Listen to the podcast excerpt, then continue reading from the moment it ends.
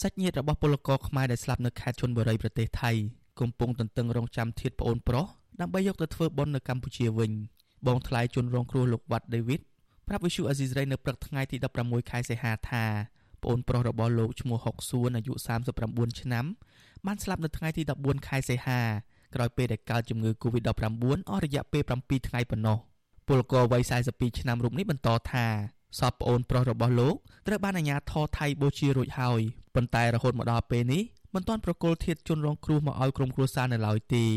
ថាបើជាមើលល្អិតល្អន់ដូចយើងខ្មែរយើងអីថាគាត់ក៏ជាមិនបាត់បង់ជីវិតទេទោះគាត់ក៏មិនបានអីទៅធ្ងន់ធ្ងរដែរដឹងអស់រឿងថាគាត់បាត់បង់ជីវិតថាមិនដឹងច្បាស់រឿងថាពីរបួសជាហើយហើយក៏មិនទាន់ដឹងជាតិទឹកអនុវេទនាបងចង់ឲ្យឋានទូតខ្មែរឬក៏នឹងជួយ ទៅទាក់ទងណានឹងទៅណាព្រោះថាកំងាយស្ថានភាពអញ្ចឹងគឺតែធ្វើឲ្យគាត់បានឲ្យកំបានមិនដឹងថាគាត់គាត់គាត់អត់ហើយអីហើយគាត់នឹងទុកបណ្ណាអីណាពលករខ្មែរ2នាក់ដែលធ្វើការនៅរោងចក្រសាច់មាន់ឈ្មោះ GFN ក្នុងខេត្តឈុនបុរីប្រទេសថៃបានស្លាប់ដោយសារតែជំងឺ Covid-19 កាលពីថ្ងៃទី14ខែសីហាក្រោយពេលដែលធ្លាក់ខ្លួនឈឺធ្ងន់7ថ្ងៃពលករដែលស្លាប់នោះម្នាក់ទៀតមានឈ្មោះឈុនជីវ៉ាពួកគេទាំងពីរមានស្រុកកំណើតនៅខេត្តបន្ទាយមានជ័យ បច្ចុប្បន្ននៅរោងចក្រមួយនេះមានពលករខ្មែរជិត1000នាក់ទៀតកំពុងកើតជំងឺ Covid-19 ក្នុងនោះពលករមួយចំនួនត្រូវបានថៅកែថៃបញ្ជូនទៅសង្គ្រោះបន្ទាន់នៅមន្ទីរពេទ្យក្នុងខេត្តឈុនបុរីនិងពលករជាច្រើនទៀតកំពុងសម្រាប់ព្យាបាលដោយខ្លួនឯងនៅក្នុងរោងចក្រវិសុអស៊ីសេរីមិនអាចតាក់ទងមន្ត្រីស្ថានទូតខ្មែរប្រចាំប្រទេសថៃ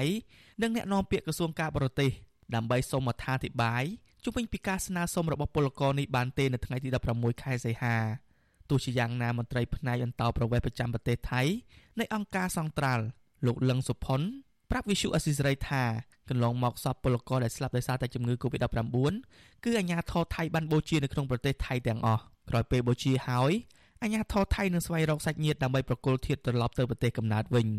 លោកយល់ថាក្នុងស្ថានភាពបែបនេះសាច់ញាតិមិនអាចស្វែងរកធាតុជនរងគ្រោះបានទេ ប្រសិនបើមន្ត្រីស្ថានទូតខ្មែរប្រចាំប្រទេសថៃមិនអន្តរាគមន៍ទៅភាគីថៃជួយដល់ពួកគាត់នោះទេ បើសិនជាយើងអត់មានឯកសារអត់មានបងប្អូនណាជួយបញ្ជាក់ឈ្មោះជាលក្ខណៈច្បាស់លាស់ទេគឺគេអត់ឲ្យទេ តែបើសិនជាមានអ្នកគ្រប់គ្រងនឹងជួយតាមដានជួយទៅយកនឹងគេនឹងរៀបចំឲ្យយើងអញ្ចឹងណាដូចជាខាងស្ថានទូតជួយចេញ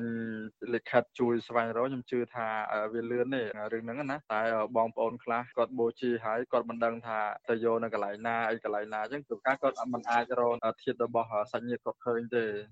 លោកឡុងសុផុនបន្តថាអំឡុងពេលនេះមានពលករខ្មែររាប់ពាន់នាក់នៅក្នុងខេត្តឈុនបុរីនិងតំបន់ទីក្រុងបាងកកដែលបានឆ្លងជំងឺ Covid-19 នោះពួកគេកំពុងរស់នៅតាមយថាកម្មនៅក្នុងបន្ទប់ជួលនិងតាមការដ្ឋានសំណង់ហើយគ្មានគ្រូពេទ្យព្យាបាលនោះទេពលករដែលធ្វើការនៅរោងចក្រផលិតគ្រឿងបន្លាស់កុំព្យូទ័រនៅក្នុងខេត្តឈុនបុរីលោកកឹមលេងប្រាប់ថាលោកនិងប្រពន្ធរបស់លោកបានឆ្លងជំងឺ Covid-19 ប្រហែល10ថ្ងៃហើយហើយពុំមានអាជ្ញាធរណា មកសួរសុខទុក្ខគ្រួសារលោកនោះទេបច្ចុប្បន្នស្ថានភាពជំងឺរបស់លោកបានធូរស្រាលបន្តិចក្រោយពេលដែលលោកទិញថ្នាំព្យាបាលជំងឺដោយខ្លួនឯងនៅក្នុងបន្ទប់ជួលពលកររូបនេះក៏ក្រុងចង់ត្រឡប់ទៅកម្ពុជាវិញដែរនៅពេលដែលពួកលោកជាសះស្បើយពីជំងឺដ៏កាចសាហាវនេះព្រោះលោកព្រួយបារម្ភខ្លាចឈឺធ្ងន់នៅពេលក្រោយទៀតដោយគ្មានប្រាក់ព្យាបាល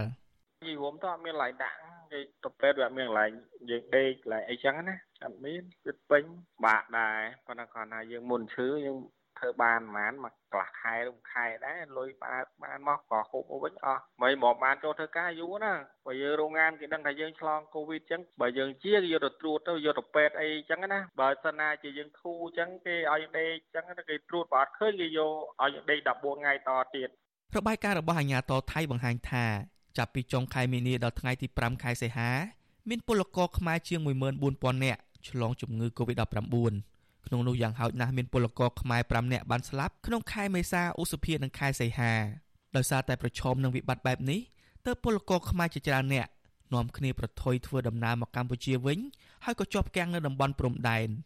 មន្ត្រីអង្គការសង្គមស៊ីវិលលោកលឹងសុផុនយល់ថាការដែលពលករត្រឡប់ទៅកម្ពុជាវិញអំឡុងពេលនេះជាជំរើសល្អបំផុតហើយរដ្ឋាភិបាលខ្មែរគួរតែជួយសម្រួលឲ្យពួកគាត់បានត្រឡប់ទៅប្រទេសវិញពីព្រោះពួកគាត់អត់ការងារធ្វើ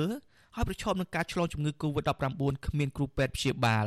ទោះជាយ៉ាងណាចាប់តាំងពីថ្ងៃទី13ខែសីហាជាថ្ងៃដែលអាជ្ញាធរកម្ពុជាបើកព្រំដែនមកមានពលករខ្មែររាប់ពាន់នាក់ហើយបានត្រឡប់ទៅស្រុកកំណើតវិញដោយសារតែពួកគាត់មិនអាចទ្រាំនៅប្រទេសថៃបន្តទៀតបានខ្ញុំបាទយុទ្ធចំណាន Visual Assisray ពីរដ្ឋធានី Washington